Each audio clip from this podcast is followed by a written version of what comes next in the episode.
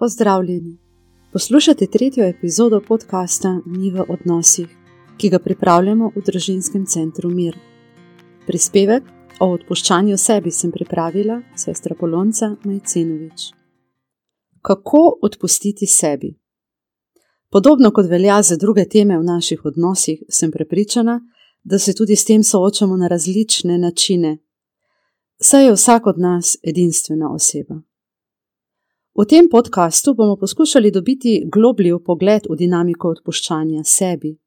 Bomo dobili navodila, kako to storiti, mogoče ja, mogoče tudi ne.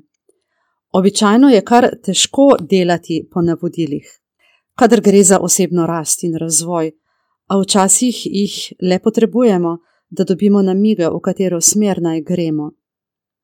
Kaj nam pride najprej na misel ob besedi odpuščanje? Latinska beseda dimitere pomeni poslati stran, odpustiti. Vidimo, da vrednost odpuščanja izrazijo že same besede. Za karkoli že gre, dobro je, da odpustimo, pri čemer se ponovno spomnimo, da sploh ne gre za to, da bi morali karkoli pozabiti. Hkrati z odpuščanjem se osvobodimo čustvenih bremen. Omenimo samo jezo, Vsa ta čustva postanejo breme, kadar nas začnejo ovirati v vsakdanjem življenju, v odnosih ali se izrazijo celo v obliki telesnih bolezni. Kaj bi rekli, je lažje odpustiti drugim ali sebi? Kakšna je naša osebna izkušnja? In kaj si najtežje odpustimo? To, da smo prizadeli svoje bližnje? Ali morda ne obiskovali starih staršev, ko so bili še živi? Sprejeli napačno odločitev glede nadaljevanja študija, smo prevarali moža, ženo. Karkoli že in za karkoli že gre, razumevanje procesa odpuščanja sebi nam pomaga, kadar se odločimo, da si ne želimo več biti ujetniki zamer in bolečin.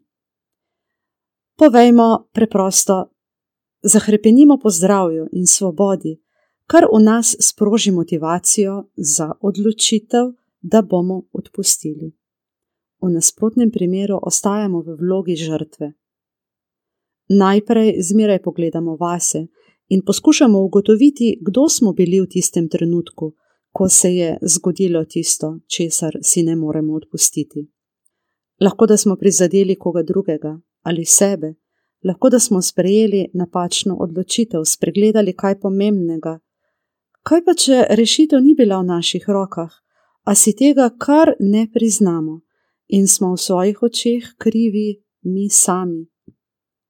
Resnica pa je, vsaj običajno je tako, da smo v tistem trenutku naredili najboljše, kar smo lahko, ali drugače povedano, kot smo vedeli in znali. Za ponazoritev sem izbrala dogajanje, ko si ne moremo odpustiti, da smo prevarali svojega moža ali ženo da bi bila prevara tisto najboljše, kar smo vedeli in znali, težko, zahtevno, nemogoče. In še kakšen izraz, da je na prevaro mogoče tako pogledati, ampak za samo prevaro so običajno leta odtujenega odnosa. Ali pa se dogaja kaj drugega? To je ozadje, pomembno je, da poznamo ozadje. V tistem trenutku ali obdobju je bila to ali zaljubljenost, ali umik iz odnosa, ali iskanje topline v odnosu, ali ponavljanje generacijskega vedenja. Veliko krat kdo reče: Nisem več vedel, kaj naj. Rada bi povdarila, da ne opravičujemo prevare v smislu iskanja razlogov, samo celoto poskušamo razumeti, da ugotovimo, česa smo zares krivi, ker dejanje prevare običajno sproži cel plaz zamer, ki so včasih stare celo več let. Tako imamo, vsaj na začetku razreševanja prevare, eno gmoto čustev, spominov, bolečin. Včasih se zdi, da smo dobesedno odprli omare, iz katerih padajo okostnjaki, in je res strašljivo. A edino smiselno je pogledati, kaj smo se iz dogajanja naučili. Pomembno je, da vemo, kaj je narobe.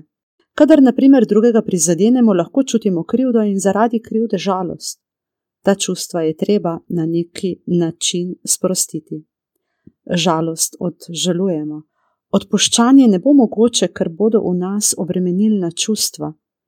Tako se lahko v podobnih položajih odzivamo stavki, kot je naprimer: Zmeraj rečem kaj narobe.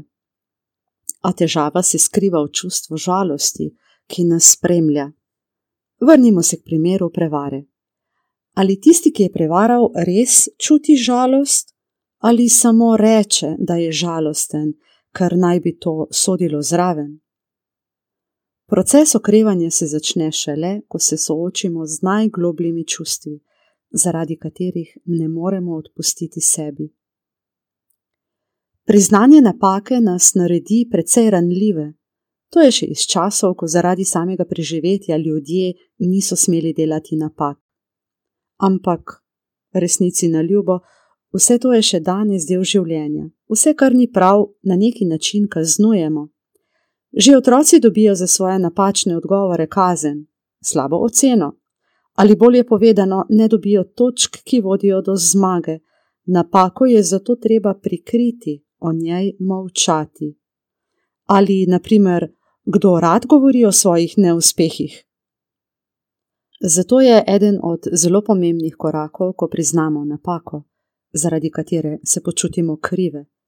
Če pogledamo prevaro, Zakaj prikrivanje, če ne zato, da bi ohranili odnos in ne prizadeli moža ali žene, čeprav smo ga pravzaprav že? Ena od stvari, ki si jih pari na terapiji pogosto povedo, ko pridejo zaradi prevare, je, da se imajo radi. Preprosta misel je, da ne želim še enkrat prizadeti ljubljene osebe, če pa sem jo že prizadel. A skrivnosti imajo zmeraj kratek rok trajanja. Na ta način prevzemamo odgovornost, nehamo kriviti druge, vse od družbenega sprejemanja, tako imenovanega sprejemanja prevare, do ženine hladnosti. To, da nekdo prevara, je samo in res samo njegova odločitev in njegovo dejanje. Pri prevarah se veliko krat pokaže, da je bila prevara celo rešitev globljih konfliktov, edina pot, edini način. Je torej lažje odpustiti sebi ali drugim? Kakorkoli že, lažje odpustimo osebi, ki jo imamo radi. Zdaj pa je lahko to nekdo drug ali smo mi sami. Na tem mestu se pred nami odpre neko povsem drugo vprašanje. Začne nas zanimati odnos do sebe sebe imamo radi, smo do sebe enako kritični kot do drugih. Parom odleže, ko se odločijo za začasno ali trajno ločeno življenje, ker nimajo ob sebi več nekoga, ob katerem se prebuja njihova bolečina. Zdi se bolje, da je oseba, ki nas je prizadela s prevaro, nekje drugje, da ni pred našimi očmi. Kadar gre za odpuščanje sebi, je jasno, da ne moremo stran od sebe, od sebe se ne moremo ločiti. Svojo napako, ki si je ne moremo odpustiti, imamo zmeraj pred seboj. Ali je mogoče, da si kdo prehitro odpusti? Seveda. Zanikamo odgovornost, prelagamo krivdo na druge in podobno, brez dobre samorefleksije ne moremo videti, koliko škode smo naredili sebi in drugim in si odpustimo prehitro. Kako se, na primer, tisti, ki je prevaral, trudi, da bi svojo napako popravil? Neprijetnih čustev žalosti, jeze, besa in drugih ne moremo kar izbrisati, kadar se pač spomnimo, da bomo to naredili. Občutka lastne vrednosti in dostojanstva se povrneta, kadar si odpustimo. Naredili smo napako, poškodovali druge ali sebe, priznali napake. To je začetek. Nadaljevanje je, da popravimo škodo in spremenimo svoje vedenje v prihodnosti. Samo na ta način si tudi povrnemo zaupanje. Kdaj se pojavijo težave z odpuščanjem sebi? To je takrat, kadar čutimo, da smo izjemni, Odpustimo lahko vsem drugim, samo sebi ne, ker smo si zase postavili visoke standarde. Od sebe pričakujemo, da bomo popolni, da bomo vse obvladali, vse nadzorovali In logična posledica je, da bomo krivi, kadar bo karkoli odstopalo od teh naših prepričanj. Kadar precenjujemo svojo odgovornost in se počutimo odgovorne tudi za tisto, kar sicer sploh ni naša odgovornost. S takšno držo bomo zelo hitro naleteli na svoje napake, ker se bomo lotevali stvari, ki jih ne bomo mogli rešiti, kar bomo doživeli kot svojo napako. In še, kadar smo do sebe pristranski. Sebe dojemamo kot osebe, ki lahko drugim samo škodijo. Vsako dejanje na ta način vse to samo potrjuje in čutimo le sram. Vse, karkoli je povezano z nami, je narobe in kot takšni si seveda ne zaslužimo odpuščanja. To so tri samoprevare. Se pravi, čutenje, dojemanje sebe, da smo izjemni, precenjevanje svojih odgovornosti in pristranskost do sebe. Te tri samoprevare zelo ovirajo proces odpuščanja sebi. Če si, na primer, predstavljamo, da je mož, ki je prevaral ženo, ujetnik ene od teh samoprevar, bo prepričan, da je zdaj zaradi svoje prevare kriv tudi za vseh preteklih deset let odstojevanja v odnosu. Ampak kriv je za dejanje prevare, za vse drugo, za kar ga obdolži žena, ki je po prevari v globoki bolečini in za vse to res ni kriv, pač ne more biti kriv. V vsakem primeru moramo pogledati na preteklost, kot je kdo je kaj čutil in česa ni, kdo je bil zakaj odgovoren in zakaj ni bil. Seboj lahko sklenemo dogovor, da bomo do sebe vzpostavili bolj spoštljiv in ljubeč odnos. Vzemimo si še nekaj trenutkov za duhovno raven odpuščanja sebi. Ob premišljevanju o pomenu odpuščanja sebi sem se najprej spomnila na besede preroka Izaija ker si drag v mojih očeh, spoštovan in te ljubim, dam ljudi v zameno za te in ljudstva v zameno za tvoje življenje. Kot dragoceni, spoštovani in ljubljeni, želimo živeti svobodno. Vojne lahko divjajo na bojnih bojiščih, česar, ponovno, česar se v teh tednih ponovno še posebej zavedamo in čutimo. Vojne lahko bojujemo tudi v svojih srcih. Težko je biti ujetnik različnih zamer in ran. To ne more biti želja Boga, ki ima do svojih otrok čuteč odnos. Lahko preoblikujemo te božje besede v ker, ker sem si draga, ker se spoštujem, ker se ljubim. Takšno kot sem. Tudi z vsemi tistimi deli same sebe, ki mi niso všeč. Vse to Dragocenost, samospoštovanje in ljubezen so razlogi za to, da si odpustimo. Ob sklepu tega podcasta si vzemimo nekaj trenutkov ob mirni glasbi in poglejmo sami vase. Je kaj v mojem življenju, česar si ne morem odpustiti?